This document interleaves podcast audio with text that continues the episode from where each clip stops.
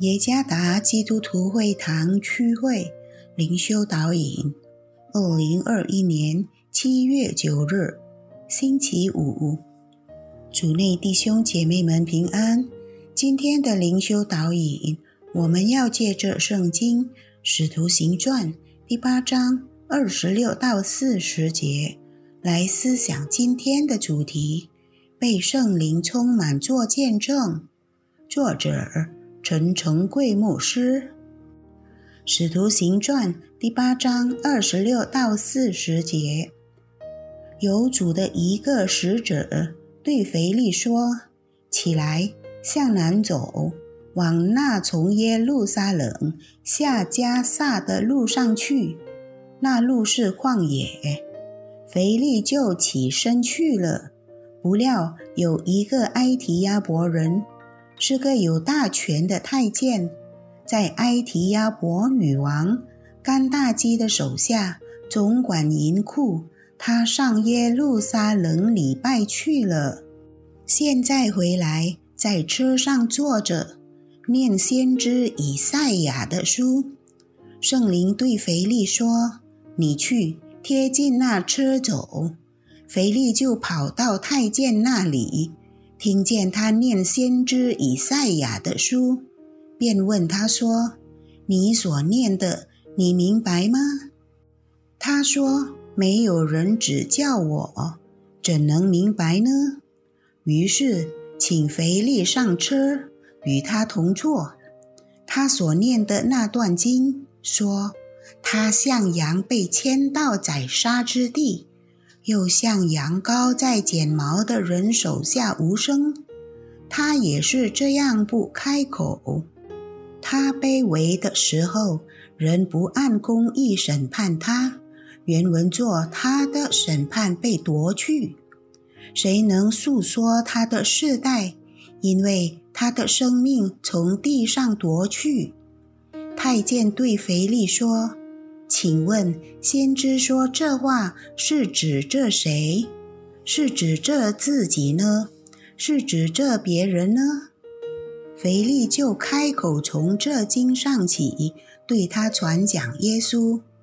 二人正往前走，到了有水的地方，太监说：“看呐，这里有水，我受洗有什么妨碍呢？”腓力说。你若是一心相信，就可以。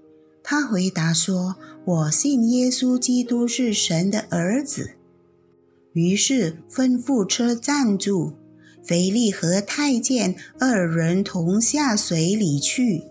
腓力就给他施洗，从水里上来，主的灵把腓力提了去，太监也不再见他了。就欢欢喜喜地走路。后来有人在亚索都遇见腓力，他走遍那地方，在各城宣传福音，直到该撒利亚。何谓被圣灵充满？就是拥有能量的生命，有属灵的能力去体验、实践和传扬上帝真理的圣言。使上帝在他的生活中得荣耀。腓力的情况也是如此。他是普通人，是一位执事，他不是十二使徒之中的一位。然而，他却被圣灵充满，他得着能力来经历顺服基督和他真理的圣言。甚至他已准备好传扬福音。于今天的经文里，有主的一个使者命令腓力往那从耶路撒冷下加萨的路上去。那路是旷野，在那路上有一个埃提亚伯的太监，正要往耶路撒冷。当路过的太监。正在读以赛亚书的时候，腓力就问他说：“你所念的，你明白吗？”太监回答说：“他不明白他所念的。”上帝的灵感动腓力，向这太监解释此福音信息，然后使他明白并相信耶稣是救主。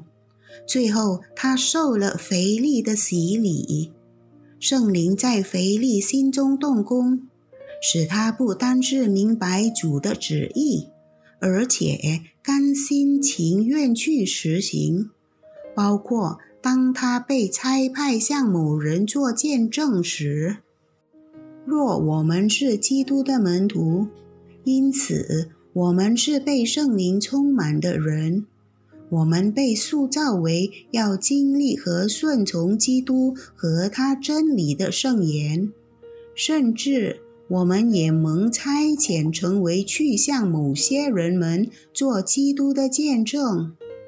我们需要有门徒的心智和耳朵，来明白基督对我们的心意。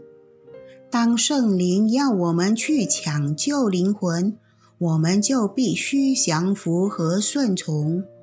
圣灵能引导我们按照他的旨意，随时随地向任何人传福音。